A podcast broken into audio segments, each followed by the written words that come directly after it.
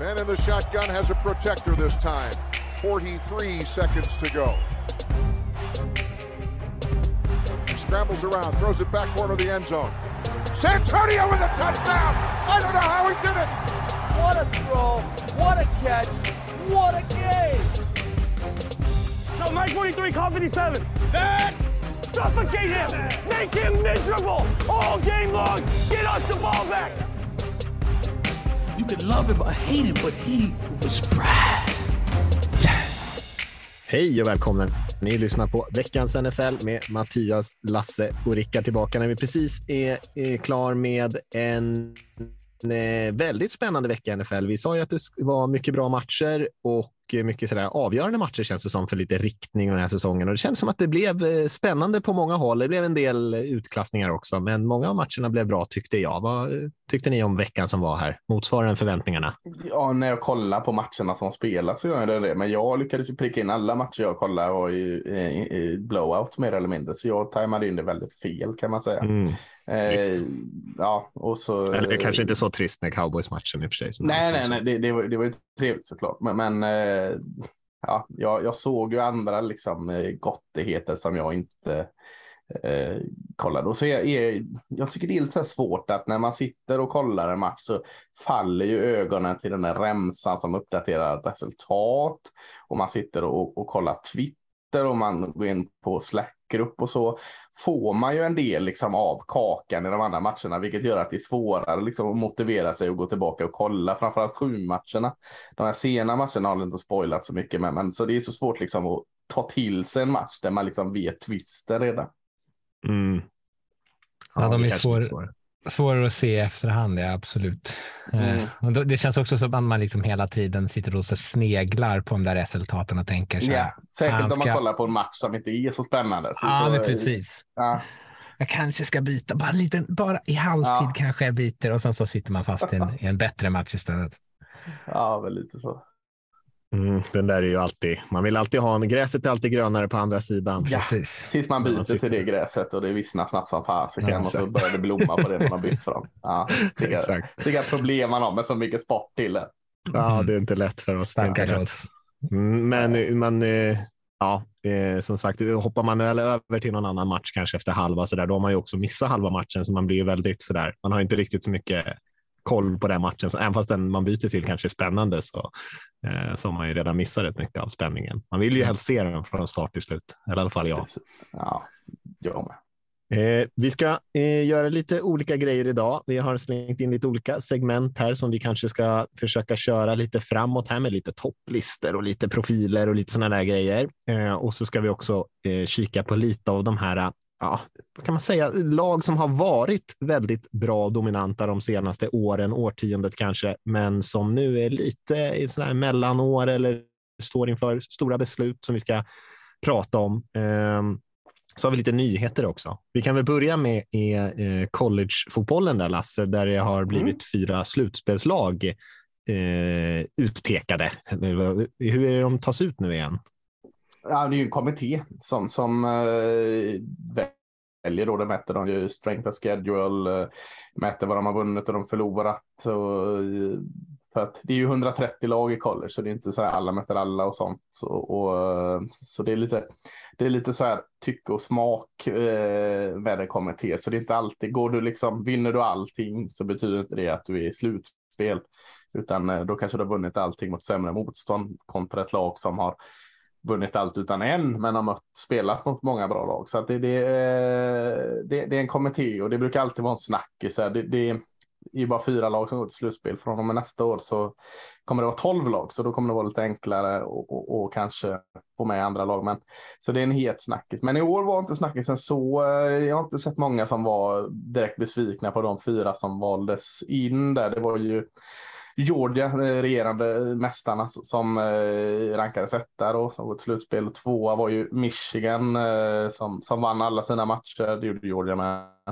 Och slog Ohio State i den här viktiga matchen. Trea stora överraskningen TCU från Fort Worth i Texas.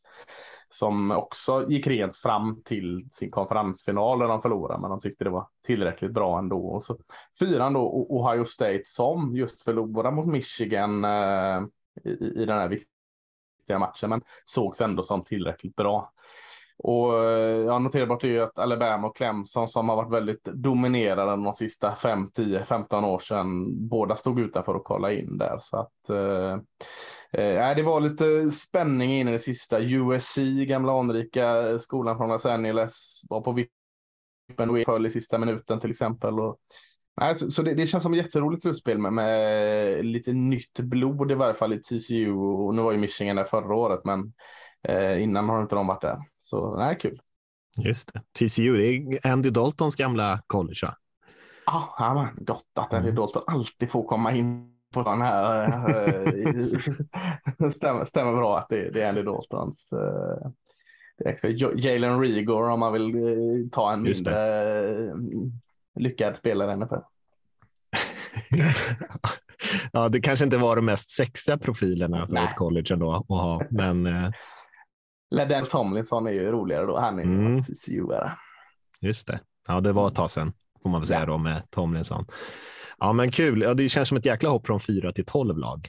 Det, mm, det kommer vara väldigt annorlunda. Och då, precis så att, eh, men, men det, det, kan vi gå tillbaka till nästa år. Då kan man vara lyrisk över detta. Mm. Vem är, håller du Georgia som favorit att ta hem det eller? Ja, det gör jag absolut. Eh, de är svårt att hitta en svaghet i den. De har inte så bra QB, men, men eh, av någon anledning så gör han aldrig en dålig match. Han är aldrig superbra, men han gör aldrig en dålig match. Och så har de ju typ lika bra läskigt försvar som de hade förra året. Följer man till college så noterar man i alla fall att det var mycket Georgia-spelare som det snackades om i draften högt i försvarssidan och de har fyllt på det. Ja, det så nej, de, de, de håller jag högst. Okej, Eh, okej, okej. Eh, vi har ju också en annan nyhet från Titans eh, som torskade där senast och har valt att kicka sin sportchef John Robinson. Och han har väl, fick väl väldigt mycket cred i sin första tid i Titans där, men det verkar lite som utifrån att det har skurit sig lite med huvudtränaren där Mike Rabel. Ja, och det, det, han, det började väl egentligen, eller det spekuleras som att det började med den här A.J. Brown-traden. Eller i alla fall att det kanske var det som liksom satte förhållandet på sin spets. Eh, eftersom att Mike Rabel då ville ha kvar honom och John Robinson ville trada bort honom. Eh, och sen så om, om det blev då någon sorts standout mellan de två, eh, eller stand-off, så är det väl inte så svårt att välja för Mike Rabel har varit jättebra som huvudtränare. Och Robinson har väl som du sa, det pratades om att han var väldigt bra i början. Jag minns att man liksom har snackat om att han är en av de här nya, unga, heta eh, general managerna och byggt ett ganska bra lag. Men eh, hans draftval har ju inte liksom alls resulterat i särskilt mycket egentligen. Eh, jag, jag, tror att Jeffrey Simmons här som snart kommer bli förlängd är den första liksom eh, i alla fall första rundespelaren som, kommer, som får liksom en kontrakt alltså får ett nytt kontrakt. Eh, så de har ju missat ganska många eh, tidigare draftval. Jag vet inte hur mycket det ligger på, på honom eller på eh, liksom ägare och allt. För det jag tycker han har lyckats bäst med är ju att ta ut sin coachingstab då med mm. Mike Rabel och Eh, Smith eh, för detta Osen som nu är huvudtränare i, i eh, Falcons.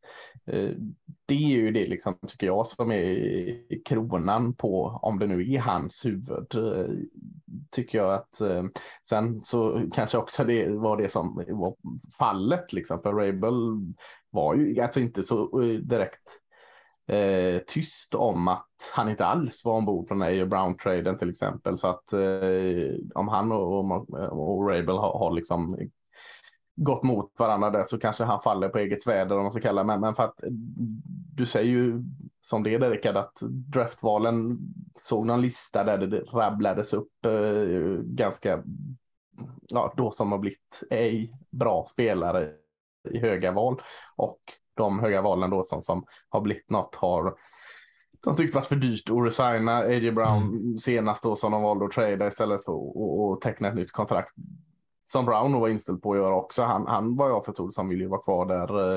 Eh, nu gnåt inte han för att vara Eagles, men, men eh, ja, eh, lite för många tveksamma beslut eller ej beslut som får honom falla till slut.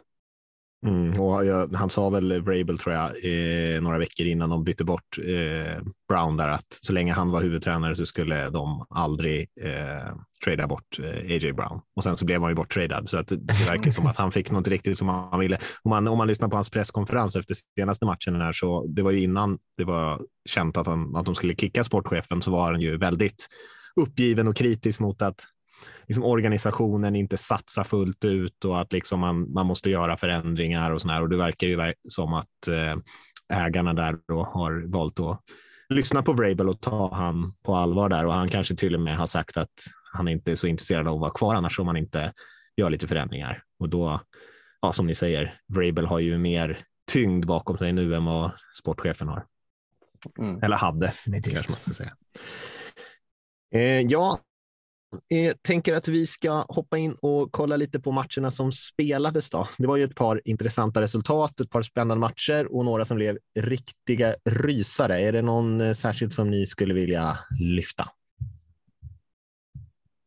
Ja, om jag får börja så tänker jag ta den matchen som jag tyckte var bäst och roligast. Eh, och det var att eh, Bengals eh, för tredje eh, gången nu i rad vann över Chiefs med 27-24 efter en ganska dramatiskt avslut. De började starkt och sen så kom Chiefs tillbaka och så satt man och tänkte att det kanske blir så här som det brukar bli med Chiefs, att de, eh, man kan aldrig räkna bort dem och så spör de på alla. Eh, men Bengals började jättebra och den offensiva linjen det är mest det som jag tycker är så värt att ta från den här matchen, att den, som, den offensiva linjen som de nu renoverade under uppehållet som såg förskräcklig ut, framförallt de första veckorna, eh, var jättebra och Burrow hade all tid i världen egentligen i fickan. Eh, och då är, de, då är ju anfallet skrämmande. Alltså med alla wide receivers de har, Chase och Higgins eh, bland annat spelade ju bra båda två. Eh, nu var inte ens Joe Mixon Eh, där spelade han inte heller som är skadad. Så anfallet är ju så här otroligt potent om den här offensiva linjen kan hålla Burrow eh, upprätt. Och han ser så sjukt cool och lugn ut när han väl hittar det här eh, lugnet i fickan och får liksom söka och leta. Eh, för då, är, då spelar de så jävla bra. Då är han ju verkligen den här Joe Cool eh, killen. Eh, och Chiefs jag vet inte om de var alldeles för konservativa både offensivt och defensivt. De hade inte så många djupa passningar i början av matchen utan spelade mycket liksom behind the sticks och kallade inte så många sexiga blitzpaket som man kanske hade är van att se dem göra. De trodde nog att de skulle vinna med sin pass rush bara med sin front utan att behöva kasta så mycket extra resurser och det sket sig. Ja, ett förvånande resultat. Jag trodde ju verkligen inte att Bengals skulle kunna hänga med här, så att det är imponerande att de gjorde det. De har ju verkligen fått igång P. Ryan där också med springspel när mixen mm. varit borta, som har varit väldigt produktiv. Ja, jag tycker det är kul också det du nämner med offensiva linjer, för jag tror vi lyfte det redan vecka två eller något när vi pratade om Bengals vara eller inte vara, just med att den var är väldigt liksom ny ihopplockad för Burrows uh, skull då liksom. Och att mm. vi sa då att just nu ser det ut som skräp men det här tar tid. Och då jämförde vi just Chiefs som exempel. För det var det Chiefs gjorde för Mahomes. Man, man, man såg där Superbollen de förlorade när han blev jagad så in i helsike. Det var på grund av hål i offensiva linjen. Uh, korrigerade det, fick det att se väldigt bra ut förra året. Exakt det här, det är ju som att liksom lägga karbonpapper på den planen, mm. har ju Cincinnati Bengals gjort. Såg helsike ut för Joe Burrow förra året Super Bowl. Man gjorde den här grejen att ah, nej, men vi, får, vi får helt ändra om offensiva linjen och, och uh, tar det ju tid. Det är ju inte som att plugga in en wide receiver som ska liksom lära sig sina routes och, och lära sig klicka med, med wide receiver eller med QB någorlunda. Här är ju en grupp av fem som liksom ska fungera som en enhet. Det kan ju vara den liksom, positionsgruppen som, som man måste ha mest tålamod. Så att det är jättekul att det bär frukt nu liksom. Eh, och att de faktiskt har tålamod med det. Mm. De behöver ju också bevisa det mer än bara kanske den här matchen. Eh, ja, de får absolut. Ett bra test här mot eh, Browns nu. Ja. ja, verkligen, verkligen. Men, men eh, ja, det är en kul grej att hålla koll på just sådana grejer. Det är, jag är aldrig blyg att lyfta offensiva linjer att hålla koll på. ska man inte vara.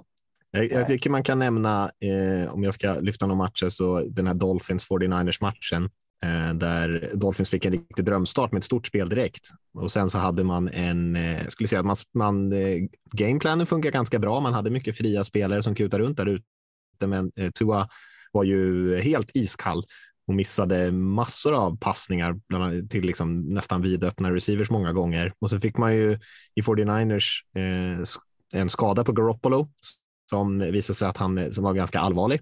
Och först sa det att han skulle operera foten och nu visar det sig att han troligtvis inte behöver det och att han kan vara tillbaka kanske ja, kanske mot slutet av slutspelet med lite tur, troligtvis inte. Och så har man ju sedan tidigare Trey Lance skadad, så Brock Purdy kom in och spelade QB 49ers och ändå vann man den här matchen med 33-17 i slutändan. Ehm, och var ju väldigt imponerande att man lyckades fortsätta flytta bollen och göra poäng även med sin liksom, tredje QB inne. Och eh, för båda de här lagen så sa vi det att det här kan ju vara en match som verkligen visar ja, var de här står. Två spännande lag som är liksom lite svårtippade, men man ändå har mycket positiva känslor kring. För Dolphins vet jag inte om det säger så himla mycket. Det var ju en besvikelse för dem och att Tua hade en sån här dålig match. Eh, förhoppningsvis så var det bara liksom en blipp i protokollet. Och för 49ers så går man ju in nu med eh, med liksom Purdy här och se vad kan man göra med en sån orutinerad QB som man troligtvis måste coacha ganska mycket runt. Det här kärnan-systemet är ganska bra för quarterbacks, så kanske inte behöver lägga någon enorm börda, men ändå så blir det ju en eh, betydligt brantare uppförsbacke för dem framöver här. Eh, så att där, det finns ju mycket frågetecken där nu kring båda de här lagen. Jag vet inte om någon kommer ur det här med särskilt mycket positiv momentum. Eller de gör ju inte det såklart eftersom 49ers fick sin QB skadad och Dolphins spelade eh, inte så bra som de, som de borde spela. Mm. Eh, var inte han Mr Irrelevant också i förra mm. draft? Eh, Brooke Purdy, där Iowa State-kuben. Kan ja. bli en riktig sån här uh, NFL-filmshistoria av det här. Verkligen. Ja, eh, precis. Eh, Kurt Warner-filmen eh, har jag inte sett i sig, men eh, räkna med en Brooke Purdy-film om 25-30 år. ja, ja, men ni, ni tar upp roliga matcher. Jag varenda jag sappade in var ju typ avgjord direkt. Jag, jag började, fick ju så här sug på att se lite Lions för att de är heta igen. Eh, med, med eh, med, med, sin offensiv och det var de ju. De var oerhört eh, vassa mot eh, Jaguars, men det är inte så mycket att prata om. Det är samma med Cowboys såg jag ju också som var, eh, nu börjar de smyga upp och bli en av ligans bästa offensiv i samband med ligans bästa, en av ligans bästa defensiv, så det är också spännande. Men, men den också blå att den tredje matchen som också var bra var ju den här Eagles Titans matchen som jag såg eh, just för att det var spännande att se eh, liksom Eagles och Eddie Brown. Jag, jag är väldigt svag i Eddie Brown och hans då efterträdare Burks i, eh, i Titans. Och här var ju eh, Eagles vinnare på alla de här planen. Liksom. Man vann matchen lätt. Man visade att den här traden då just nu är eh, att man gick vinnande ur den med tanke på att uh, Trajan Burks än i varje fall inte är den spelaren man kan luta sig mot. Men, men jag tycker jag i varje fall, och känns lite som många andra gjort, jag har liksom hela tiden letat efter skäl till att Eagles inte är 11-1 bra. Ja, men de är bra så, men, men liksom, ja, det, det, kommer komma ikapp. Ja, de har lätt spelschema, de har det och det och det.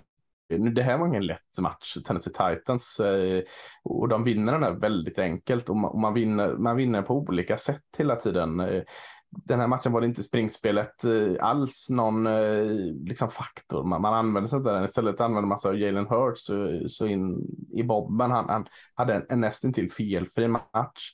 Eh, Eddie Brown då mm, stora utropstecken såklart med två touchdown och över 100 yard. Det var inte Smith 100 yard igen.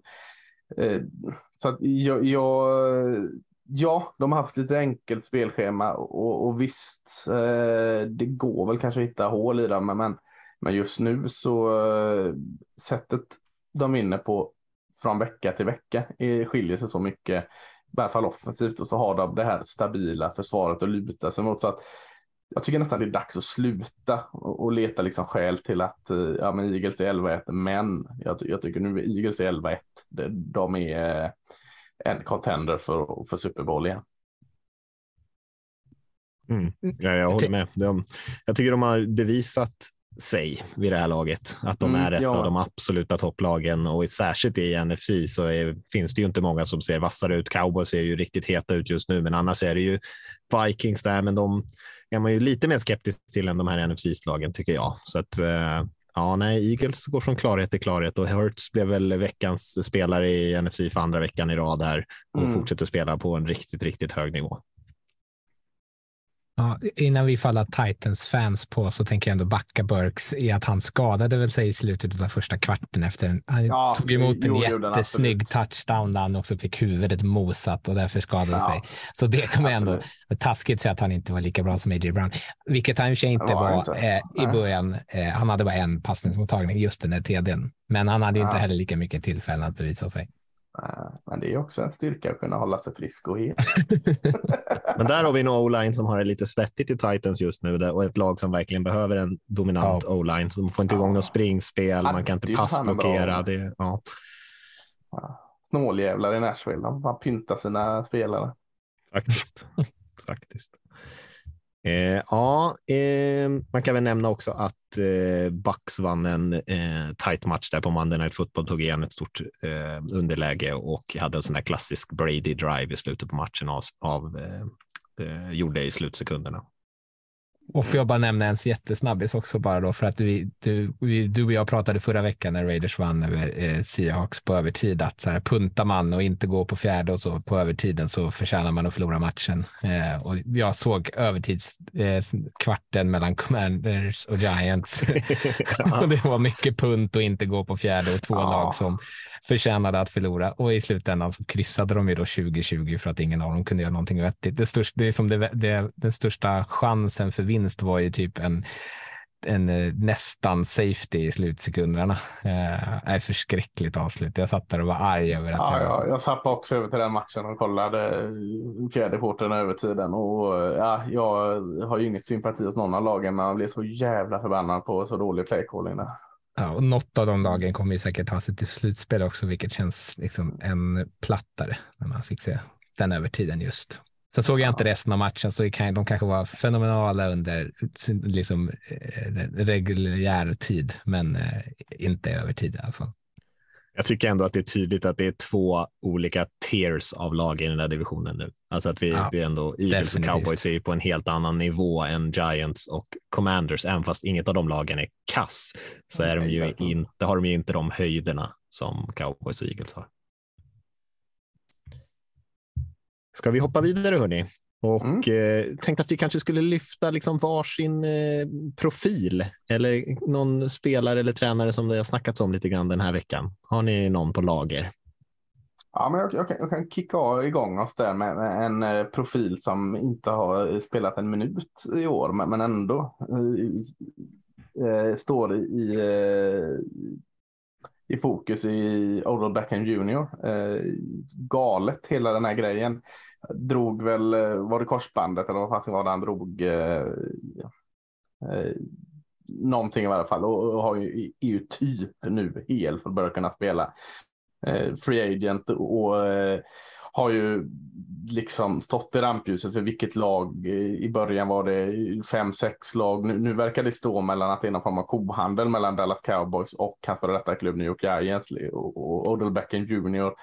Liksom så här, ja, men visa vad ni kan erbjuda mig och, och, och allt sådant. Och så sen sätter han sig på, på ett plan och flyger till, vad det, till Miami och eh, ställde till det för sig där och, och sågs han igår satt han med fem cowboyspelare på Jerry Jones platser när de kollade på Dallas Maverick basket. Den här eh, liksom tweetar kryptiska tweets om att eh, alltså det här är en oerhört konstig eh, situation och eh, han vill ju då ha mer än bara ett år. Han vill ju ha minst två år vad jag förstår det som och vill ha ganska mycket betalt och, och att de här lagen eh, Cowboys och Giants då håll, hänger med i detta liksom. Eh, kan jag inte riktigt förstå eh, att han kan liksom spela ut dem mot varandra på detta sättet. För mig är det, jag har aldrig noterat det i den här skalan i varje fall. Så att det är ju en jätteprofil och en följetong som kommer fortsätta gå. Jag, jag börjar nu luta åt att han kommer kanske inte bli signad av någon här, liksom, om detta ska hålla på. Jag tycker det känns ju som en sån här eh, recruiting-resa för så här, Ja. college-spelare. Eller att han bara Ja, så här, glider runt och så här, bjud mig på middag, låt mig gå på lite Mm. fotboll, eller lite basket och ha det lite Mm. Göttigt. Liksom. Jag vet inte riktigt vad han är ute efter. Men om han liksom är ute efter att vinna ringar så ska han ju då, om det vi nu sa att det är en tydlig tier, då kanske han inte ska till New York Giants. Eh, men Nej. å andra sidan så tycker jag här, cowboys kanske ska vara lite kalla i att de ändå har ett ganska bra, de har en del bra wide receivers. De har inte samma behov kanske som Giants har av Odell och vill han gå dit och förlora inom divisionen så kan han väl göra det. Ja, precis. Jag tycker bara det att det tar så oerhört mycket liksom uppmärksamhet på en spelare som ja, när han är hel och eh, är fortfarande väldigt duktig. Men, men eh, ja, jag tycker bara det är märkligt hela tiden. Men det är verkligen eh, en profil just nu i NFL. Ja, och man är nästan så att hans namn liksom och Mm. liksom rykte är- är det som gör att det blir sån här hype. För det var ju som sagt länge sedan han var på planen under en längre period och var liksom dominant. Sen gjorde han ju nytta såklart för Rams, men eh, eh, ja, att det skulle bli så här mycket snack. Jag vet inte vad, det, ja, det är nog lite för att han är en profil snarare än hans Ja. spel alla gånger. Verkligen. Definitivt. Eh, Ja, jag kan lyfta en, en eh, spelare och det är väl lite mer för att jag tänker att det är intressant att lyfta ett lag som han spelar för också. Det är ju Lions som vi har nämnt några gånger. Lasse, du nämnde de här nu. De gjorde ju poäng Mm på sina åtta första drives mot Jaguars. Eh, anfallet liksom eh, eh går ju på alla cylindrar och jag tycker eh, kan det vara värt att lyfta Amon Ross St. Brown där, som jag vet vi pratade om när han kom in i NFL och sen har han ju varit väldigt, väldigt stabil och pålitlig för dem.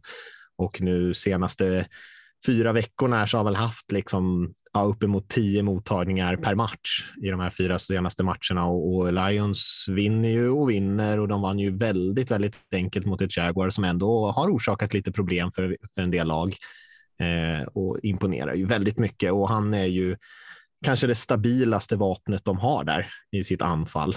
Eh, och Eh, är väl ingen spelare som man snackar så där jättemycket om heller, men han tar ju de där eh, viktiga yardsen i mitten av banan och det är kanske inte alltid så spektakulära spelare, även fast han har lite av sånt i sig också. Men eh, ja, jag tycker bara att det kan vara värt att ge han lite cred också för att han ändå på många sätt är en, den, den absolut stadigaste delen av det där passanfallet. Ja, han har verkligen blivit ett utropstecken i år. Eh, Kul. Det känns som att det är inte bara QB, det är en ny våg. Det är verkligen en ny våg av, av unga receivers som tar för sig egentligen från dag ett i ligan, vilket är, ja, det är jättekul och välkomnat med. Eh, kändes som man pratat om eh, Julio Jones och AJ Green i 15 år här eh, på de här topp 5-listorna och nu, nu, nu är det ny, ny, nytt gäng. Och han har en brorsa också som spelar i eh, Bears också. Eh, Equanimous. Ja, just det, Zach Brown. Men, men eh, ja, än så länge har Lions den bästa Zach Brown.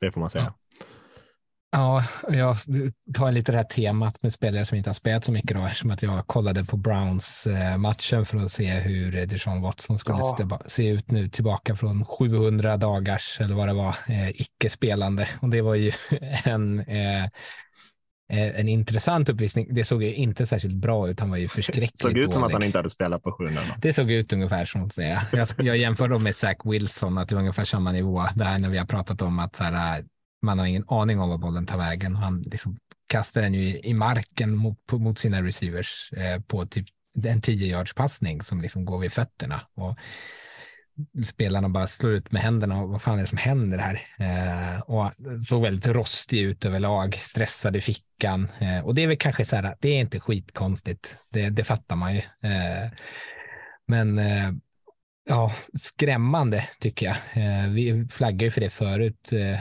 när vi pratade om eh, liksom, var kommer Browns befinna sig när han kommer tillbaka och vad, vad kan man liksom realistiskt förvänta sig när han är där. Eh, nu vann de matchen ändå eftersom att försvaret gjorde två touchdowns och special teams gjorde en touchdown när anfallet bara genererade sex poäng på två stycken field goals. Så, eh, mötte liksom ligans sämsta lag och han var ändå eh, den sämsta spelaren på plan. Ja. det- det ena av den där field goalet de gjorde, det var väl också försvaret som orsakade en turnover eh, in i field goal range, va? Och så var Ja. det en three and out, tror jag. Så att eh, det gjorde de inte så mycket för heller. Nej, verkligen inte. Och man kan ju tänka sig som vad rubriken hade varit om de hade förlorat den här matchen mot Texans när Texans också spelade så dåligt. Eh, Mm. och de liksom, det hade varit så tydligt att vi förlorar bara på grund av Watson.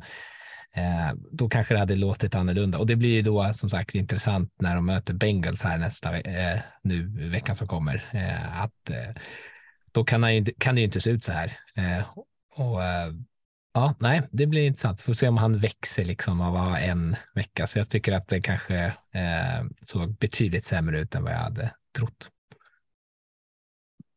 Mm. Ja, nej, men intressant. Vi hade också en liten tanke på att vi skulle försöka göra en liten topplista här varje vecka eh, och turas om lite och bjussa på någon, eh, ja, någon liten eh, kul halvseriös lista här. Så att jag har gjort en liten topp fem lista till oss den här veckan som ni gärna får tycka till om. Och Mm. då tänkte jag att jag skulle ta något lite oväntat. Vi har pratat mycket om alla dominanta receivers. Men då tänkte jag, varför inte göra en lista på de bästa nummer två receivers som finns i NFL? Ehm, och eh, det är vanligt att man listar duos, men nu har jag bara listat de bästa nummer två receivers här, men de eh, tillhör ju såklart någon, någon bra duo för det mesta. Och eh, ja, men då har jag rankat dem så här på min topp fem. Först satte jag Jalen Waddle som spelar i Dolphins med Hill och gänget och sen satte jag Chris Godwin på andra plats som spelar i Bucks. Där har Mike Evans framför sig där. Och sen så tog jag Tyler Lockett i Seahawks som har eh, Metcalf där som är deras nummer ett får man ändå säga. Och så tog jag med T. Higgins som jag tycker imponerat Ja. stort för Bengals. Hade ju en väldigt bra match här senast. Det är ju en väldigt duktig spelare, men hamnar ju i skuggan av Chase ibland. Och sen slängde jag faktiskt in Devonte Smith i Eagles som eh, kom ut ur Alabama där och var ju en väldigt uppsnackad spelare trots att jag pratat mycket om hur tunn han är och så där. Eh, Så de fem valde jag att slänga in. Sen finns det ju några bubblare där eh, som jag tycker man kan kanske nämna lite honorable mention som inte kom med här. Thielen har om en del, men han har väl tappat lite fart i Vikings där. Och sen eh, har vi ju Gallup i Cowboys också, en väldigt duktig spelare och sen eh, kanske Allen Williams, Keenan Allen och Mike Williams i Chargers. Det är väl Williams som är deras nummer två receiver Mm. ska säga. Keenan Allen är ju den viktigare av de två som ändå det är tre andra duktiga spelare, men de kommer inte med på min topp fem här. Ja, men det är en intressant eh, eh, lista helt klart. Jag, jag vill ju egentligen inte hålla med dig, men, men jag tycker du eh, jag, jag köper alla. Jag hade nog satt locket högre upp. Jag är ju både förtjust i Tyler Locket. eh, Men, men tre får vara gott. Jag tänker att du inte vågar sätta Seahawks högre för att bli misstänkt för saker. Exakt, men många av de här har ju bra perioder just nu också, så det är lite recency bias på det hela. Waddle gör ju en super eh, eh, säsong. Eh, Locket har ju varit väldigt bra den senaste månaden här och Higgins hade ju en jättematch senast och Devonte Smith var ju också väldigt bra senast här och har ju en bra period just nu. Så att eh, det går lite upp och ner hur mycket chanser man får och så där. Men just nu tyckte jag att de här kändes hetast. Higgins var ju bra även förra året, så det tycker jag inte så. Den som jag kanske reagerar på som kom då som en bubblare till slut var ju Mike Williams. Eh, jag, jag gillar ju också själva tanken av att han är ett, ett komplement eh, till, sin, till Keenan Allen. De är ganska olika. Eh, om man jämför med Hill och Waddle som är ganska lika i stort sett. Eh, på liksom att de är jätteduktiga på eftermottagning. Eh, så tycker jag ju om den här wide receiver 2 eh, typen som är kanske en motsats eller är liksom det här gör jag bättre än min VR1. Liksom. Williams har väl lite problem med att han liksom inte har kunnat hålla skadorna borta riktigt och varit så liksom consistent kanske som en del av de andra här. Men Man har, Ja, ju, kanske. Ja, man har ju sågat Commanders offensiv ganska länge nu. eh, Så jag tänkte att jag ger, säger en rookie här, två receiver, Johan Dotson bakom Terry McLaurin. Ser väldigt, väldigt fin ut. Och vi har pratat om rookie receivers och vi har inte nämnt Dotson. Jag tycker han, han har eh, all, goda möjligheter att komma på den här listan nästa år. mm, verkligen. Fantastiska händer. Ja, framförallt med QB-situationen där så tycker jag både McLaurin och Dotson gör mycket av lite. Ja, jag håller med. Eh, veckans spaning, Lasse. Har du någon? Ja, ja, ja men, jo, men det har jag. Om den är så här, wow, nu, nu, eh, nu sa du något som får oss att att tänka helt nya banor. Det vet jag inte om den är, men, men eh, det är en spaning trots allt som vi varit inne lite på. Vi var inne för några veckor sedan eller några månader sedan här om att springspelet har, har börjat eh, ta över som en trend igen i, i ligan. Eh, såklart då på bekostnad på, eh, av passspelet och eh, min spaning är väl att eh, det kanske inte krävs längre på eh, att ha en elit-QB. Eh, det kanske räcker att ha en, en fullt god QB för, för att eh, skörda framgång och vinna Super Bowl och, och ta det till slutspel. Eh, titta på Matthew Stafford och Rams förra året. Eh, visst, man trädde till sig Stafford för att få en bättre QB, men elit var väl det Stafford förra året. Han, han var fullt god och bra och man, man, man vann Super Bowl med honom. Eh, och jag tänkte ta en exempel här att eh, topplagen här, Philadelphia Eagles i är Jalen Hurts, bra, men inte elit, inte än i varje fall. Eh, Dallas Cowboys, eh, Dak Prescott, bra, men inte elit. Minnesota Vikings, Kirk Cousins, bra, absolut inte elit. Eh, och så har du de eh, då tappade eh, Tampa Bay Buccaneers med Tom Brady som, som man kanske ser lite fall på nu och vi har sett fall på Aaron Rodgers och så har vi fjärde laget 49ers som ja, ska gå in med Mr Irrelevant här. Nu, nu kanske vi får se hur det är, an men Jimmy Garoppolo och absolut inte elit. Så att, kollar du på NFC så är det svårt att hitta någon elitkub överhuvudtaget längre. Eh, vissa är kanske på god väg, men, men finns två tydliga just nu tycker jag och det är Josh Allen och Patrick Mahomes i AFC. Mm, och, och de ligger ju i topp där också så det skadar ju inte. Men jag vet inte om det, det är en, en liksom trend som går i den riktningen med att springspelet börjar fungera. Försvaren anpassar sig mot det här passspelet. Vi pratar om att vissa spelar med, med fem DBs inne allt oftare. Att, att eh, det kanske har spelat ut sin roll. Så, så jag tänker mig liksom fram igenom kanske vi ser en liten bromsning av de här rekordkontrakten som toppar en efter en med ny QB, nytt rekordkontrakt. Kanske vi har nått ett tak här nu. Det kanske är sån här eh, husbubblan med priser. Vi, vi, kanske ligger i samma med quarterback här. Alltså att när det är dags att förnyas så kanske lite det de här hemska summorna. Vi kan ju se hur det blir med Lamar Jackson och Ravens till exempel. Så att det är väl inte en revolutionerande spaning, men att eh, värdet på en QB alltid högt, men kanske inte helt ovärderligt just nu. Jag tycker det är intressant och som du säger, det är väldigt eh, QB-tungt i AFC jämfört med NFC. Du lämnar ju Lamar mm. där, men också man kan ju slänga in Burrow, kanske Herbert också, som ändå är spelare som är, ja, det beror på hur stor man vill göra den där elitkategorin, men de är i alla fall väldigt, mm. väldigt högt upp. Ja, men på god eh, väg säkert... är ju de två där, men, men ja. Mm. Men i NFC så är det ju ja, väldigt tunt. Ja, Ja, är, eh, vänta på nästa som ska stiga upp. Det är väl Jalen Hurts då om han eh, tar de kliven. Jag, jag tror han, aldrig han kommer bli en elitkub. Jag tror han kommer ligga i den här Dak Prescott eh, mm, QB10 eller QB8, QB12 i ligan kommer det snackas om. Eh, och jag kanske på något sätt tror att det är gott nog. Behöver inte vara bättre än så om resterande lag kring dem fungerar. Nej, och det är, det är ju det som kanske är intressant, att det är så många lag som på något sätt har lyckats bygga lagen runt omkring. Eh, ja. Att man inte är så QB-beroende. Om, vi, om man liksom återgår till AFC då plockar ut Josh Allen, plockar ut Lamar Jackson. Och det såg vi nu senast hur det såg ut när, vi tog, när man tog bort honom. Eh, liksom, ja. Plocka bort Mahomes. Ja, jag älskar i och för sig Andy Reid, så det kanske skulle gå bra ändå. Men att de, de lagen är är ju så otroligt QB-centrerade. Eh, Medan eller Cowboys ändå kan vinna med Cooper Rush eh, mm. och Eagles kanske skulle kunna hålla sig eh, eh, liksom ändå som ett bra lag även om Hurts skulle missa någon match. Ja, absolut. Jag, jag tror, tror också på det. Jag tror att det skadar absolut inte. Det, det kan man ju inte säga och ha en, en riktigt, riktigt bra QB. Men det kanske ofta räcker att ha en bra QB om resterande mm. lag fungerar runt omkring. Mm. Och lite långsam återväxt på QB-positionen också. Vi har haft några drafter här där det inte riktigt, alltså vi har ju några som är lovande och så där, men det är ju inte mm. någon som riktigt har eh, ja, varit så bra som man ens hade tänkt skulle jag säga. Och eh, det är klart att Lawrence pratar vi om, han tar steg hela tiden, men ja, det är fortfarande matcher där han är väldigt anonym eller till och med inte gör en bra match och eh, inte alls på de här andra unga spelarnas senaste liksom riktigt bra quarterback som draftades var väl Burrow egentligen, eh, skulle mm. jag säga. Ja, nej, absolut. Och, ja, jag, jag, alltså, ta Gino Smith situationen i sig också har vi pratat om också. Det, det, det går liksom. Det, eh, att, ja, jag, jag, vill tro att det kan hända något i hela den här eh, hur man ser på en QB och, och eh, värdet av en QB. Mm. Och så, ja, sen är Justin Field tar över, Fields tar över hela den där konferensen om två år.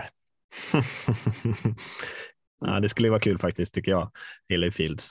Men eh, mm, han har lite att bevisa än så länge. Minst sagt. Eh, vi tänkte vi skulle prata om lite topplag som eh, som sagt, eller forna storlag kallade vi det till och med. Och vi listade ett gäng där som var intressanta, men jag skulle säga att det som började med var väl egentligen en diskussion i våran Slack. Vi kommer vi få mycket idéer därifrån ändå av de diskussioner som tas upp där och pratades det helt, en hel del om Rams.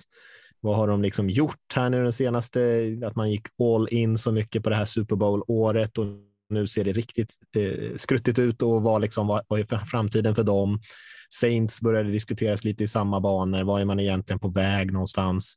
Trots att man har det där dominanta försvaret så, så lyckas man liksom inte leverera riktigt. Och så är det ju Packers också som har en svag säsong. Vi tänkte vi skulle fokusera på de tre ändå. Sen finns det ju en del andra såklart också som är lite samma sits. Men det här är ju Rams har ju inte varit dominanta sådär jättelänge, men de har ju ändå varit eh, väldigt bra de senaste åren sedan McVay kom dit och de vann ju Super Bowl senast. Saints eh, har ju tappat det lite mer och mer här de senaste åren, men har ju ändå varit ett stabilt storlag och Green Bay absolut. Så jag vet inte, vilken, vi, vilken skulle ni vilja att vi drar igång med? Kan man dra igång med Rams tänker jag. De, de är först ut den här veckan mot eh, Raiders, så vi kan eh, börja kolla på på lagbygget Rams och uh, vad fan som händer där. Nu med Baker Mayfield som kanske startar redan uh, nästa vecka. Det lär han Eller inte. Inte nu på torsdag i alla fall när han inte startar. Nej, nej då blir det vad heter han? John Wolford eller vad heter han? Ja, precis. Ja. Men, men ja, Rams som uh, tyckte de var så jäkla, eller och det tyckte ju många också att nej, men draften spelar ingen roll. Vi, vi Eh, Eh, vi tradar bort val för att få våra heta spelare. Nej, det börjar liksom krackelera när som vi alla varit inne på offensiva linjen inte kan göra ett skit. Eh, så jag vet inte, det här korthuset faller just nu och jag, jag kan i alla fall inte se någon quick fix på det här eh, problemet. Eh, man är låsta med spelare som är och har varit prof starka profiler. Eh, jag, jag, tror det här är, det är inte bara att Sean McWay och trada sig bort det här och, och signa free agents. För så mycket kapital har man inte. Nej, det, det, det, är en lite tuff sits för dem. Jag, jag, tänker att det fortfarande, för mig är det lite vänta och se fortfarande. Jag tror att man har ändå tillräckligt bra, mycket bra spelare för att man skulle kunna liksom räta upp skeppet eh, på hyfsat kort sikt. Kanske inte liksom, det är ingen quick fix som du säger, men kanske ett, två år så skulle man kunna lösa det här. Problemet är väl lite att man, det har snackats lite grann såklart om Aaron Donald, att han ska lägga skorna på hyllan och man får väl räkna med att han inte blir kvar så himla länge till. Och sen har ju McVeigh också varit och diskuterat lite det också, så det, det skulle kunna bli ännu värre. Det är väl det som jag är lite orolig för då. Om man tappar Donald, man tappar kanske sin coach då, som ändå har gjort eh, ett jättejobb med att vända hela organisationen skulle jag säga. Ehm, samtidigt som man då börjar kanske få betala lite för en del av de här dyra kontrakten. Stafford sitter ju på en ganska dyr deal och så där. Um, ehm, och då skulle det kunna gå ganska dåligt. Men jag, men jag skulle inte vilja lägga dem i någon så här fritt fallläge riktigt än, utan jag tror ändå det finns liksom möjlighet att de, ja, de kanske inte blir en Super Bowl contender direkt, men att de ändå inte går ner i källan här direkt. Jag tänker ju också, vi pratade om dem inför säsongen, att det är ett ganska känsligt lagbygge för att man har så mycket resurser allokerade på liksom ett, en handfull spelare som ska vara tongivande för dem att vinna. Aaron Donald ska liksom ha en matchavgörande sack. Eh, Jalen Ramsey ska ha en matchavgörande interception och Matthew Stafford ska kasta någon jävla no-look pass i mitten av banan. Eh, och nu har de liksom haft skador på alla. Ah, Ramsey har ju spelat, men Cup är ju skadad, Donald har varit skadad, Stafford är skadad det är ju väldigt lätt att peka på Rams och säga så här, så här gick det för era jävlar för ni gick all in. Eh, ja, eller så kommer de bara komma tillbaka nästa år med liksom samma koncept som gav dem en Super Bowl igen. Eh, för det är inte så här, eh, allt är ju inte skit. Och, och eh, Stafford, han har ju bara en cap hit på typ 20 miljoner tror jag nästa år. Eh, så är han hel och man kan liksom räkna med det, det är ju i och för sig kanske ett frågetecken. Men alltså, det som gav dem en Super Bowl från första början är ju inte helt orimligt att de kommer kunna göra det igen, alltså vara ett bra lag. Det pratades ju om att de var ett av de bästa lagen i NFC inför säsongen och det är ju inte jättemycket som kommer se annorlunda ut i starten av nästa säsong så länge de inte då tappar Donald eller McVay för då är ju allt, då kraschar ju allting direkt. Marginalen ja. har ju definitivt blivit betydligt mindre här och man det måste ju förstärka ja. på en del positioner och då måste man också träffa på dem. Alltså, det pratades lite om Chiefs, att de var lite liknande situation, hade mycket pengar knutna på ett fåtal spelare, men så lyckades man som sagt bygga om den här offensiva linjen på något sätt och ändå klara sig under lönetaket och då har, de har ju med Holmes då som är ju lite av en, eh, en lite av en cheat code där, att han eh, maskerar ju en del brister. Men eh, ja, man måste ju sätta några sådana där värvningar eller draftval så att man mm. verkligen får in spelare som kan bidra så man kan liksom lappa lite. Och bommar man på dem, då, ja, då, då, kan det gå dåligt igen. Men jag tycker ändå de har en liten lucka. De skulle kunna ordna upp det här fortfarande. Ja, men, men jag tänker alltså, ja, det fick ni och så nu går det till helsike. De Superbowl, eh, ja. de, de vann ju liksom. Ja. Eh, så att det misslyckat är det ju inte. De fick en Super Bowl. Eh, mitt jävla cowboy har inte vunnit sedan 94, så kör det här så jag får en Super Bowl så kan jag lida i fem år eller vad det nu krävs. Så att, helt misslyckat. Men jag tänker, alltså det här, det är så lätt och, och, köpa det när de lägger fram det som de gör Rams. Att, ja, ja, vi, vi trädar bort Eh, våra draftspelare för vi kan ju ta, vi kan ju ta redan färdiga spelare, bra spelare. Och det är lätt att säga så, men en, ett aspekt man glömmer med eh, rookies är att de kostar ju ingenting de första åren. Eller det är klart de kostar, men, men eh, piss och ingenting jämfört jämfört med Matthew Stafford eller eh, Cooper Cup eller eh, tongivande spelare. Och bra draftval blir ju tongivande direkt. Kolla på eh, Sioux här nu som har två corners och två tackles som går in och, och, och eh, liksom hjälper till det laget och styr upp. Den aspekten glöms bort lite för att Visst, nu blev Cooper Cup skadad, nu blev Stafford skadad och hade Cooper Cup varit med så hade de haft ett bättre record. Så är det, men kontentan av det att man inte har de här draftvalen som är att det är en oerhört tunn trupp.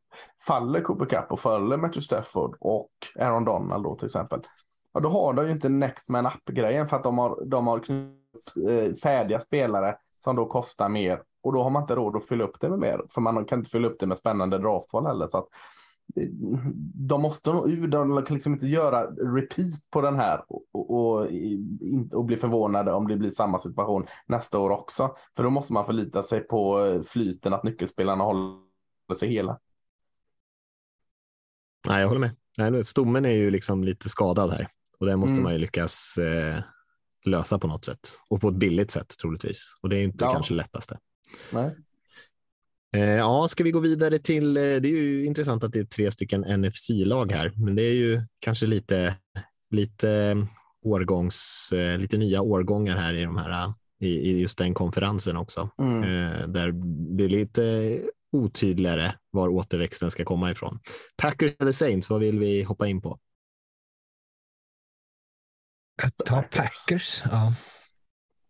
Ja, Packers är ju uppenbara i att eh, Aaron Rodgers troligtvis inte spelar nästa säsong för dem och eh, även om han gör det så är ju det eh, bör ju i så fall inte vara så himla länge till. Så att de, de måste ju förbereda sig för en framtid efter Rodgers. Det är väl det som är den stora frågan. Och sen så har de ju, tycker jag, fått in en del. Watson, Christian Watson där har ju verkligen imponerat tycker jag på receiverpositionen. Man, man har ju ändå en del unga spelare. Här tycker jag ändå att stommen är liksom snäppet bättre. Sen är det ju inte samma Packers-lag som vi har sett de senaste åren. Eh, men just truppen så där är väl, eh, tycker jag ändå det finns en del att bygga på. Och eh, det är ju eh, QB-positionen och hur man ska lösa den därefter om, om Love är liksom eh, svaret där bakom. Och det talas ju mycket om att han ändå, det är många som har imponerats av honom, men samtidigt varför samtidigt så är det jättesvårt att komma förbi Rogers och eh, liksom peta en dubbel MVP för att han ska komma in och, och liksom lära lite on the job så att säga. Så att eh, ja, det, de har ju en ganska svår situation där det är mycket frågetecken tycker jag kring Packers. Ja, och, och med Jordan Love så är ju Ja, nu kommer de ha honom då nästa år under kontrakt. Eh, sen har de väl möjligheten till ett 50 year option, men eh, det är så här som Lasse pratar om, att man har liksom spelare på rookie-kontrakt som gör det liksom billigt att bygga laget runt omkring. finns ju en viss risk att man liksom går miste om den möjligheten med Jordan Love eftersom att om han spelar jävligt bra nästa år så kommer de tvingas förlänga honom och vad, vad kommer det då att kosta? Eh, och spelar han inte bra, ja, då, då har de inte längre svaret på QB-positionen och måste göra någonting annat och då är de ju liksom i, i skiten direkt. Eh, så det, det är liksom den uppenbara stora frågan. Eh, men sen så när jag tänker övrigt så känns det som att så här, mycket av det som har varit deras framgång de senaste åren är att ha en riktigt bra offensiv linje. Eh, och där tycker jag kanske att man liksom har tappat lite nu. Jag vet jag inte mm. statusen på Bakhtiari här. Eh, men Elton Jenkins har ju varit bra som de har fått in, men att de kanske skulle behöva liksom återgå till det liksom fungerande receptet är att ha en, en riktigt eh, bra offensiv linje oavsett om det är Rogers som står där bak nästa år och är gammal gubbe eller om det är Jordan Love som kliver in för att ge honom lite trygghet. Ja, jag håller med. Jag tycker mest eh, att Packers eh, ska vara med på den här listan då för att de känns som det laget som man inte såg det riktigt komma. För mig i alla fall är det väldigt överraskande. Jag hade ju Packers som en Super Bowl-kandidat in, in, inför den här säsongen. Eh, och, och, det kanske är Aaron Rodgers i sviktande form då, som är A, B och C i den här ekvationen. Och det är ju lite skrämmande också för att som du är inne på Mattias så har man ändå ganska mycket spännande eh, komponenter i laget. Man har en ung receivergrupp som känns ganska spännande med då Christian Watson mm. eller Lazard och, och även Romeo Dubb som var väldigt bra innan sin skada. Eh, det, och unga Randall Cobb då ska man lägga till. Men, men eh, och försvaret var ju också fungerande ett tag där innan skador satte sitt eh, liksom, påminn där. Eh, så jag vet inte, ska man börja, nu svänger det snabbt det här och det är farligt, men ska man börja prata om Matt LeFleur som, som problemet? Eh, Aaron Rodgers eh, är ju tydliga problemet att resultatet uteblir, men jag vet inte, är, är, har Matt LeFleur laget med sig? Jag, jag, jag eh, får inte riktigt de vibbarna. Jag vet inte. Att han har ju vunnit liksom absurda mängder matcher, men det kan ju vara mycket på grund av att Rodgers också har spelat på en väldigt, väldigt hög nivå de senaste Ja, jag åren. tänker lite så. Är det, är det Rodgers som liksom har uh, räddat honom här? För, för med Rodgers i sviktande form så har det ju inte varit mycket. Ibland får man igång liksom uh, Aaron Jones och AJ Dillon till kanonmatcher, men känns också som det inte nyttjas tillräckligt länge. Så också lite på coachstaben att varför kör man inte med med det konceptet? Så att jag är mer överraskad att Packers har en sån här dålig säsong och, och står man och faller så enormt mycket med Aaron Rodgers tycker jag inte när man kollar så, så kanske är det så som Rickard säger att det är domen som har varit en stomme så länge att man har liksom lite struntat i att eh, hålla den offensiva linjen riktigt, riktigt stark. Vänstersidan är ju bra med, med Bakhtiari och Jenkins, men annars är det ju skräp. Jag, jag tänker med, med Rogers också att det är känns som att det är en så stor elefant i rummet. Eh, mm. Och jag vet inte det här med Matt LeFleur, vad han har för, liksom, eh, vilken kontroll han har över omklädningsrummet. Men det, vi sa ju det redan när han anställdes och när Mike McCarthy gick och Aaron Rodgers fick ha synpunkter i vem som skulle anställas, att det blev så skeva maktförhållanden. För Rodgers vann mm. ju kampen mot McCarthy. Eh, Sen vet jag inte liksom om McCarthy också annars hade fått kicken ändå, men liksom det kändes som att det liksom var en maktkamp där som Rogers gick vinnande ur. Han fick ha synpunkter vem som skulle komma in. Han har ju liksom eh, säkert eh, ganska mycket att säga till om eh, och att det blir så här skevt vem det är som är liksom sheriffen i omklädningsrummet. Mm. Och där kanske jag tror att skulle man gå vidare från Rogers så skulle säkert Leffler ha liksom lättare att ta upp allt syre i rummet eh, på något vis. det som man har misslyckats med är ju att man inte tradade Rodgers nu under säsongs, alltså inför den här säsongen. Det, det förstår jag också kanske att man inte gjorde för man trodde, precis som du tänkte också, Lasse, att man skulle ha en chans att utmana. Ja, det, är, det är ju synd, för man hade ju säkert fått liksom som, eh, man har satt, suttit i samma situation som eh, Seahawks gör nu, att man så här, samlar på sig massa picks och man blev av med ett tungt kontrakt och man sitter med liksom en backup-QB som kanske skulle kunna visa sig vara framtiden. Eh, så man är liksom mm. ett år efter tyvärr i den här om, liksom, ombyggnaden. Ja, kanske ett år för sent. Ja.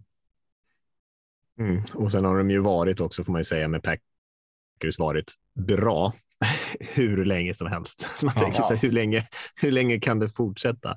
Alltså, jag vet inte, hur, vi pratar ju årtionden egentligen. Det är klart de har haft dåliga säsonger där eh, i, men de har ju ändå varit ett topplag så otroligt länge. Eh, de förtjänar någon gång måste det ju bli. Ja, men då, det kan ju kanske vara dags för några lite tuffare år. men eh, ja, jag tror definitivt att, att eh, LaFleur får en, även fast Rogers går så får han säkert någon chans att försöka göra någonting utan Rogers och se hur det går. Mm. Um, och då kanske han får chansen att bevisa sig. Nu är det ju svårt att separera honom från Rogers. Mm. Mm, om vi hoppar över till Saints då, vad ska man säga om dem? Det känns som att de började ju med sin ombyggnad egentligen. Först gick ju Breeze, sen gick ju Sean Payton eh, och man är ju lite i en ombyggnadsfas, men det känns som att man är i ett väldigt limbo där man egentligen kanske försöker eh, hitta en väg fram, men man är liksom för bra för att helt liksom gå in 100 procent för den omställningen för att försvaret är så väldigt bra. Eh, och så har man samtidigt en del spelare i anfallet som är ja, som är väldigt begåvade. Olava har ju kommit in, rookien, och det ser ju riktigt bra ut, eh, receivern och eh, Kamara är ju en superstjärna på running back positionen. Och så har man en, ett par duktiga offensiva linjespelare dessutom, så det finns lite grejer i anfallet, men QB-positionen är ju ett enda stort frågetecken. Eh, men det känns som att där är det lite så här, ja, vad, vad håller de på med? Var är de egentligen på väg? Eh, för man har ju lite svårt att ta dem på allvar som en utmanare när det ser ut som det gör på eh, QB-positionen och sen skillspelarna runt Olave kanske eh, på receive-positionen. Så att eh, ja, de, det är lite svårt att veta exakt vilken väg de ska gå. från. det är inte så lätt att bara hitta en QB och de har ju inte direkt. De har ju definitivt inte eh, sin framtida quarterback i truppen just nu.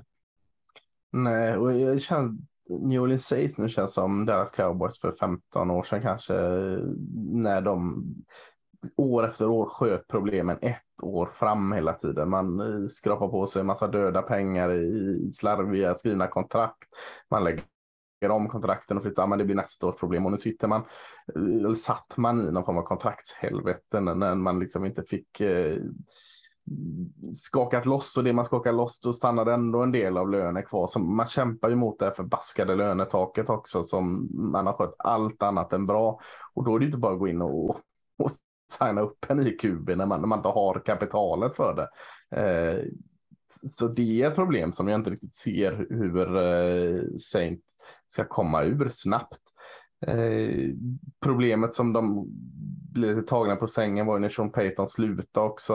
Alltså att han liksom har kontroll eller var det här eh, antibiotikan som, som höll laget friskt trots att man sköt eh, sjukdomen fram ett år hela tiden. Nu är det inte det. Visst, man, man tog Chris Olave, eh, en grym wide receiver och, och som du säger, har man en bra offensiv linje, man har Alvin Kamara, man har profiler i försvaret också, Cameron Jordan, Marcus Davenport och Hannibal, Larimore och allt vad det allt som finns där. Men, men ja, det, det är, jag vet inte, det, det, är mer snarlikt Rams det här problemet som, som Saints har. Eh, just att man tunn trupp för att man har misskött eh, lönetaket så brutalt dåligt. Ja, det är ju nästan så att man känner att de borde liksom eh, skrapa ihop allt de har av värde och försöka liksom bara in, inte nödvändigtvis tanka, men liksom spola rent. Nej, men, ja, eh. jag känner också så. För att kolla vad, hur kan vi bli av med så mycket pengar från lönetaket som möjligt och mm. inte då samla på oss mer eh, döda pengar och, och, sånt liksom.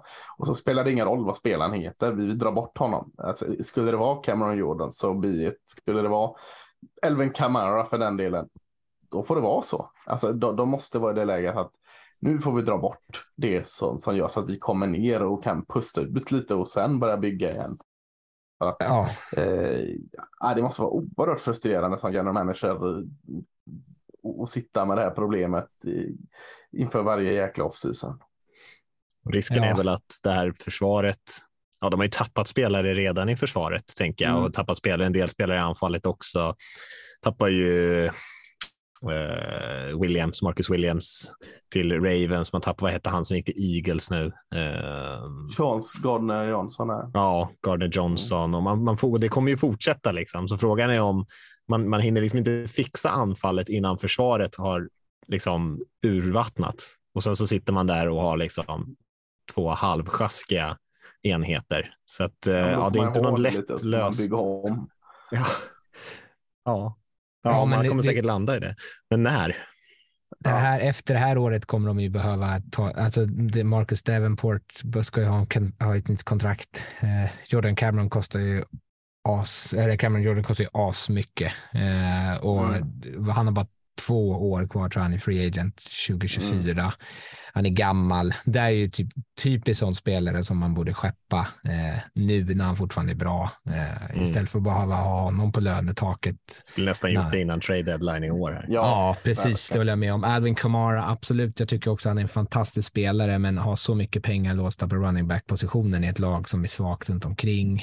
Eh, Sen Ja. är det inte, alltså, eh, det här är kanske inte pengarnas största problem, men det är så talande för New Orleans hur de har liksom jobbat med det här Tyson Hill-experimentet.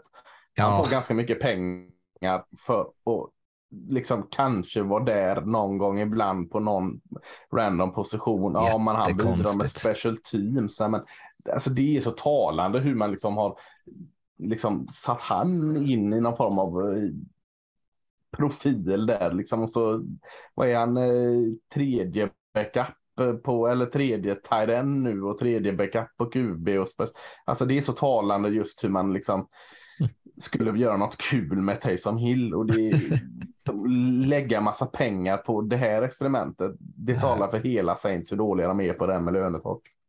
ja, det är Och de. han tjänar väl 20 mil om året eller något Ah, och har väl också ja. fått en, en ganska jag vet inte hur kontraktet är upplagt i och för sig, men han har ju ändå fått ett, Ah. liksom, nyligen ett ganska nytt kontrakt. Ja, det är, för mig är det helt, eh, det är Mm. helt sjukt. och Det samtidigt också- har man Dennis, Dennis Allen som är liksom tagit över Sämst. på HC-positionen, men Rickard gillar inte Dennis Allen. Men tänker att det är kanske inte heller rätt person då, så då har man liksom, då har man ju inte QBn, man har kanske kan diskutera om man har rätt sportchef på plats, man har inte rätt eh, HC och man har massa åldrande stjärnor överallt. Det, är- det är ett svettigt läge. Verkligen. Och det som jag också ser så här svårt med Dennis Allen, för jag, han, eh, försvaret är ju jäkligt bra och det är ju ändå hans eh, förtjänst. Eh, Mm. Det är ju hans, det är liksom hans försvar och han är ju väldigt involverad i hela den gameplanen. Så vet jag inte om han kallar spel eller inte, det tror jag inte att han gör, men det, han är liksom, det, det är hans eh, bebis och tappar man honom, vilket man behöver göra, för man behöver byta huvudtränare, han kommer inte gå tillbaka och bli defensiv koordinator där igen. Det har jag svårt att tänka mig. Det är en så skev grej att göra. Eh, och vad händer med försvaret då också om man ska liksom göra om det? Eh, så det, det är ju väldigt mycket just nu med Saints som kanske inte ser så ljust ut på kort sikt. Eh, men att man gör de här nödvändiga förändringarna. Sen finns det ju, som Lasse säger, många bra spelare. Chris Olave är ju jättebra, unga bra spelare som man ändå kan liksom bygga kring. Visst, Mm. visst. Ja, ska vi lämna de där tre där då? Eh, Som sagt, det finns ju några andra som är, som är i ungefär liknande situationer. De kan vi säkert prata om någon annan gång, men vi nöjer oss där för den här gången och kollar fram lite mot den här veckan som kommer. Um, och det finns ju lite intressant där att titta på som det alltid gör. Det blev ju mycket snackis här om att eh, Lions möter Vikings den här veckan och att Lions var faktiskt favoriter på Vegas-oddsen att spöa Lions eller spöa, eh, spöa Vikings och eh, Vikings är ju 10-2 va och eh, Lions har varit eh, väldigt upp och ner den här säsongen. Det är ingen som riktigt tagit dem på allvar så att folk blev ju lite chockade där att, att eh, oddsättaren hade satt Lions som favorit. Det kommer ju, Ja, det, lite varandras motsatser. Vikings har ju vunnit nio matcher tror jag någonting med liksom sådana här one score games. Eh, och i, när de mötte senast vecka tre så var det ju också så att de vann liksom med 45 eh, på en touchdown med 45 sekunder kvar eller någonting. Eh, så jag, jag, förstår ju ändå att Lions eh, är favoriter med tanke på hur de ser ut just nu och de har ju väldigt stort momentum. Sen kommer de säkert ha svårt med Vikings eh, anfall ändå. Eh, för försvaret såg bra ut mot Jaguars, men eh, tillskriver jag nog mer Jaguars eh, egna förskräcklighet än Lions dominanta försvarsspel. Mm. Men tror ni att Lions kan rå på dem? Absolut, jag tror Lions ja. vinner. Det skulle ju vara väldigt intressant faktiskt. Då får man ändå ge dem lite cred. Ja, absolut. Men, men jag ser absolut att de kan vinna. Men tror du att de gör det? Det är ju den stora frågan. Nej, jag tror inte. ja, det är väl Vikings har bara plus 10 i poängskillnad och Lions har minus 9. Så de är väldigt lika i poängskillnader, men det mm, liksom skiljer sig fem vinster mellan dem. Så det är som marginalerna. Har Lions dem, de mot förmodan till slut på sin sida och inte Vikings så kommer de ju vinna den här matchen bortsett från Chargers, finns det något lag som är sämre på att bära sin egen hype än Detroit Lions? Den hardknocks-hypen man kom ut och avslutade för, bra förra året och vann väl någon het match direkt. Och sen tog det ju typ halva säsongen innan man började vinna här ett par matcher i raden. Så att jag tror de snubblar lite på sin egen hype här nu. Ja, det finns väl en viss risk. Ja, jag tror nog också att Vikings tar den där, men, eh, men Lions ändå, de tar ju ändå steg i rätt riktning. Det är långsamma steg, men eh, de rör sig ändå åt rätt håll får man säga. Ja, absolut. Vad har vi mer för spännande matcher då? Är det något som ni ser där? Som ni... Många bra matcher tycker jag. Jag tycker det här är en jättekul vecka. Eh, får vi, får vi gå in och pilla i fler än ett par matcher? Här, eller? Ja, men gör det. Ja, jag, tycker alltså ett gäng bra sju matcher. Browns Bengals tycker jag känns jättespännande. Mm. Eh, Bengals då som eh, enkelt vinner sina matcher mot Chiefs då bevisligen 3-0 där. Eh, men det var inte så länge sedan de såg också ganska skräpiga ut liksom och som Rickard sa kan den här eh, offensiva linjen följa upp det med ytterligare en bra match och ge Joe Burrow chansen. Kan försvaret steppa upp och, och, och, men det mest intressanta är ju då match två med Deshaun Watson. Nu har han fått det dammat av eh, liksom skitmatchen kan kommer in i en division match, en, riktig rivalmatch i Ohio. Eh, vad kan han göra på detta? Och reser ner till Cincinnati kommer ju få ett pissigt mottagande där liksom. Eh, hoppas jag att han får det i alla fall. Alltså det, det, jag, jag vill inte ens tänka på vad det står på de här skyltarna folk håller upp eh, med, med Deshaun Watson. Eh, så bara Deshaun Watson är ju, gör ju den matchen eh, oerhört spännande tycker jag. Ja, Browns vann ju senast eh, när de möttes 32-13 ja. med, alltså med springspelet och Brissett spelade bra och var liksom den här eh, game managern på ett bra sätt och så dominerade försvaret. Eh, eller framförallt Miles Garrett hade ju lekstuga eh, mot Bengals och dåliga offensiva linje som då var dålig.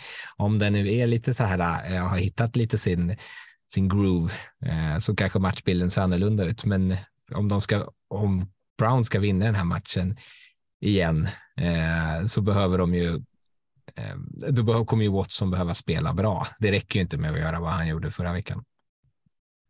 Nej, nej verkligen En dansk som kommer snappa till Dusan Watson också, Hjalte Froholt. Bara det, någonting. Det är väl starting center där nu va? Han spelade senast, men jag kommer faktiskt inte exakt var han ställde upp. Jo, det men jag tror han ställde som center. Mm. Uh, ja. Eh, läskigt. Eh, att han är dansk? Ja, nej, att han har Dijon i ryggen. han faktiskt ja. lite. Man vill inte ha hans händer där. Nej, nej mm, jag fattar. Eh, så den tycker jag, men alltså över hela brädet är bra matcher. Du kan ju ta en annan FC-match. Jets Bills känns väl också eh, riktigt härlig. Jag vet inte om Jets eh, jag vet inte vart Jets står riktigt eh, nu efter eh, senaste matchen här och allt med QB-problemen och så Bills som ändå är så jäkla bra, men som har ju lagt ett par ägg den här säsongen och, och eh, men har de tre raka vinster och, och Jets förlorar senast. Eh, men, men ändå, det känns någonting som är lockande i den matchen. Visst vann Jets förra matchen mot Bills, eller? De har väl mötts, eller har jag inbillat med det? Ja, de vann. Det var ju den här äh, jättedåliga matchen av Josh Allen och, och allting studsade i ett sväg i slutskedet som gjorde att de lyckades knipa den. Äh, det var väl något jättejämnt resultat har jag för mig. Mm, för kommer de, skulle de ta den här matchen, då är de ju bara en match bakom Bills i Ja, det lär de ju inte göra. Har.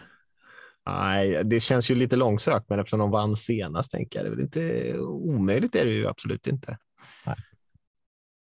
Men, man ja, kan ju tycka att Bills borde kanske komma med lite mindre underskattning den här gången i så fall. Då, då. Det kan kanske ja. inte vara underskattning utan snarare misstag förra gången, men, eh, men ändå. Ja, men om Mike White är varannan match eh, bra så, så, är det ju nu då kommer han ha en bra match här mot Bills. Det kanske blir eh, lite skräll Jag, jag har inte helt avskrivit Jets den här ändå. Jag, jag tycker Eh, om vi säger att eh, vilket lag, om vi sa att Lions tar steg så eh, har ju Jets tagit större kliv. Så att jag, jag ser inte det som är omöjligt. Nej, visst. Vi har också eh, Tampa Bay Buccaneers mot eh, 49ers sen där också på 22-25 matchen.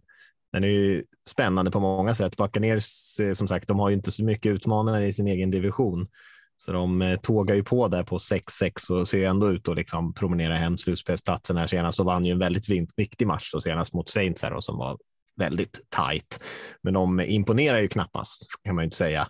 Och 49ers med Purdy då eh, som ska se om han kan följa upp den här. Han kommer ju ändå in här och motståndarna inte vet inte riktigt vem han är och så där och nu kanske man är lite mer förberedd Eh, och Buccaneers har ju ett gäng bra spelare i sitt försvar ändå, så att det kommer säkert bli en tuffare match för Purdy här, men det kan ju vara intressant att se vad han kan göra, för det blir ju ändå helt avgörande för 49ers säsong. De är ju bra på båda sidor av bollen och vi har ju pratat om dem att det här är ett lag som verkligen är på uppåtgång och så får man den här skadan och nu får vi väl se lite grann om det är ja, om, det är en, om det är ett lag att överhuvudtaget hålla koll på eller om liksom det är kört nu när man ska starta en sån eh, fullkomligt oerfaren eh, quarterback.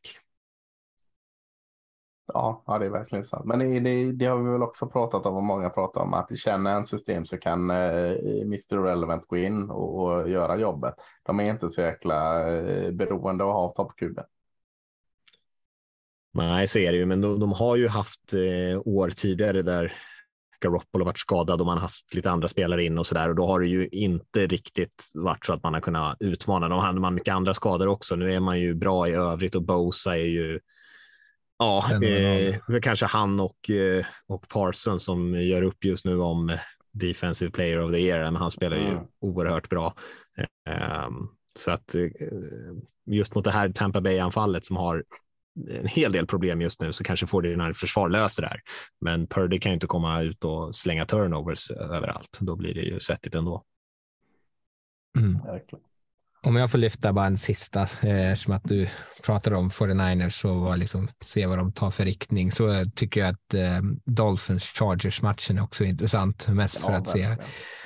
Chargers har, eh, nu torskade de mot Raiders här senast, eh, med och väldigt tydligt eh, drabbade av de skador som de har dragit på sig, framförallt på den offensiva linjen så var det ju, eh, hade de ju väldigt, väldigt svettigt. Ehm, eh, och Dolphins är ett tufft lag. Det finns en ganska stor risk då för Chargers att de torskar den matchen. De har, det har ett ganska tacksamt spelschema eh, resterande eh, med Titans, Colts, Rams, Broncos efter det. Eh, men går man ner nu på sju förluster så är det ju har man inte så mycket marginaler heller sen att eh, om man ska slåss om en av de här wildcard-platserna. Eh, så det vore ju betryggande för dem att vinna och ska de till slutspel så kanske de ska kunna eh, liksom ta sig dit genom att utmana eller till och med vinna över de här bra lagen. Eh, för de har ju mest skrapat ihop vinster mot ganska sopiga lag.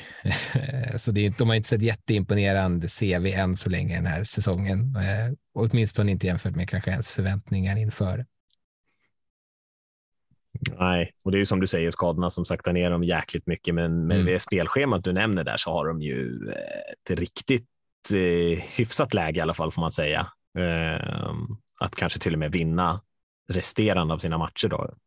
Absolut, men men, är ju då kommer de är- på, landar de in på 10-7 om de torskar mot Dolphins och det är inte heller helt 100% säkert att man tar sig vidare på det. Nej, men ändå en god chans. Alltså, det är ju inte Ja. så många som, det är ju Jets där som om den tredje wildcard-platsen i så fall. Men eh, vinner man den här så ligger man ju helt plötsligt eh, riktigt bra till. Mm. Miami, de är ju, känns ju som att de kommer ta den där slutspelsplatsen vilket som, även om de skulle råka torska den här matchen. Men eh, man vill nog se Tua göra en betydligt bättre match än senast.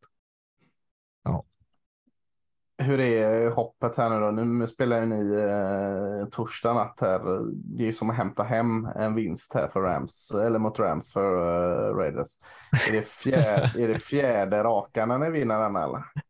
Och, om vi vinner den, jag skulle säga att det är ganska många Vi är matcher. också lite på att torska mot Rams. Så att jag, Det är ganska många matcher med Raiders som man känner att man bara ska så här, skrapa hem, eh, som Ja. man inte riktigt har lyckats med. Eh, Alla nej, en, andra divisionen förlorat eh, förra veckan. Raiders var de enda som vann, men nu, nu är det Raiders division här igen. ja, nej, än så länge. Förra året så la jag upp den här, någon sån här Frankenstein-monster och the It's Alive när vi började närma oss slutspel och ändå hade Ja. en chans och lyckades ta oss dit.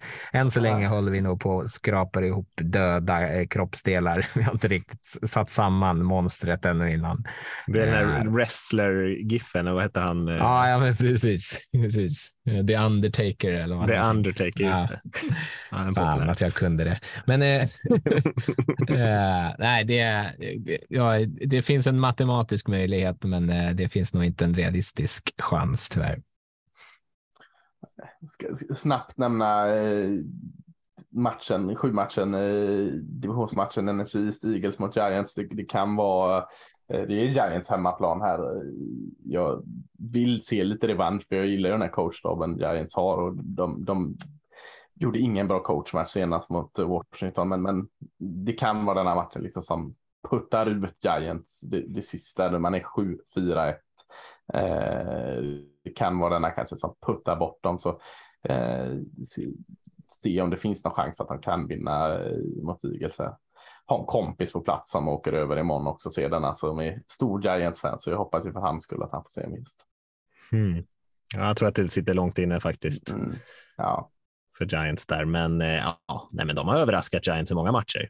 Men eh, ja, nej, som sagt, jag tycker att det är lite klasskillnad på på toppen Ja, och är botten där i NFC Mm. East, fast in- inget lag är klappkass. Men ja, Eagles ska nog göra bort sig om de ska torska den. Eh, är det något mer vi vill nämna där från den här veckan? Annars är vi nöjda. har ju nästan nämnt varje match ändå. Ja, ja. det, det och inte alltid så. nämnt eh, Ravens Steelers liksom. Känns jävligt konstigt att den är orelevant. Lamar spelar inte ens. Nej, Steelers är Steelers i år. Precis. Och det är ett gäng lag på bye den här veck- veckan också. Just det. Sex lag på bye. Colts, Saints, Falcons, Bears, Commanders, Packers där. Så det kanske inte är de hetaste lagen i ligan som är på bye. Det är Commanders som är hetast av de där. Mm, Jag ska så att alla Packers-fans behöver inte eh, ringa in en förlust den här veckan. Det finns inte en chans. Skönt. Ja. Ja, eh, nej, men då kanske vi eh, rundar av. Som sagt, vill ni skicka in några frågor så kan ni göra det. Så eh, kan man antingen skriva på sociala medier eller mejla till eh, podcast.nflsupporter.se. Så ska vi försöka ta lite frågor här någon, något avsnitt också.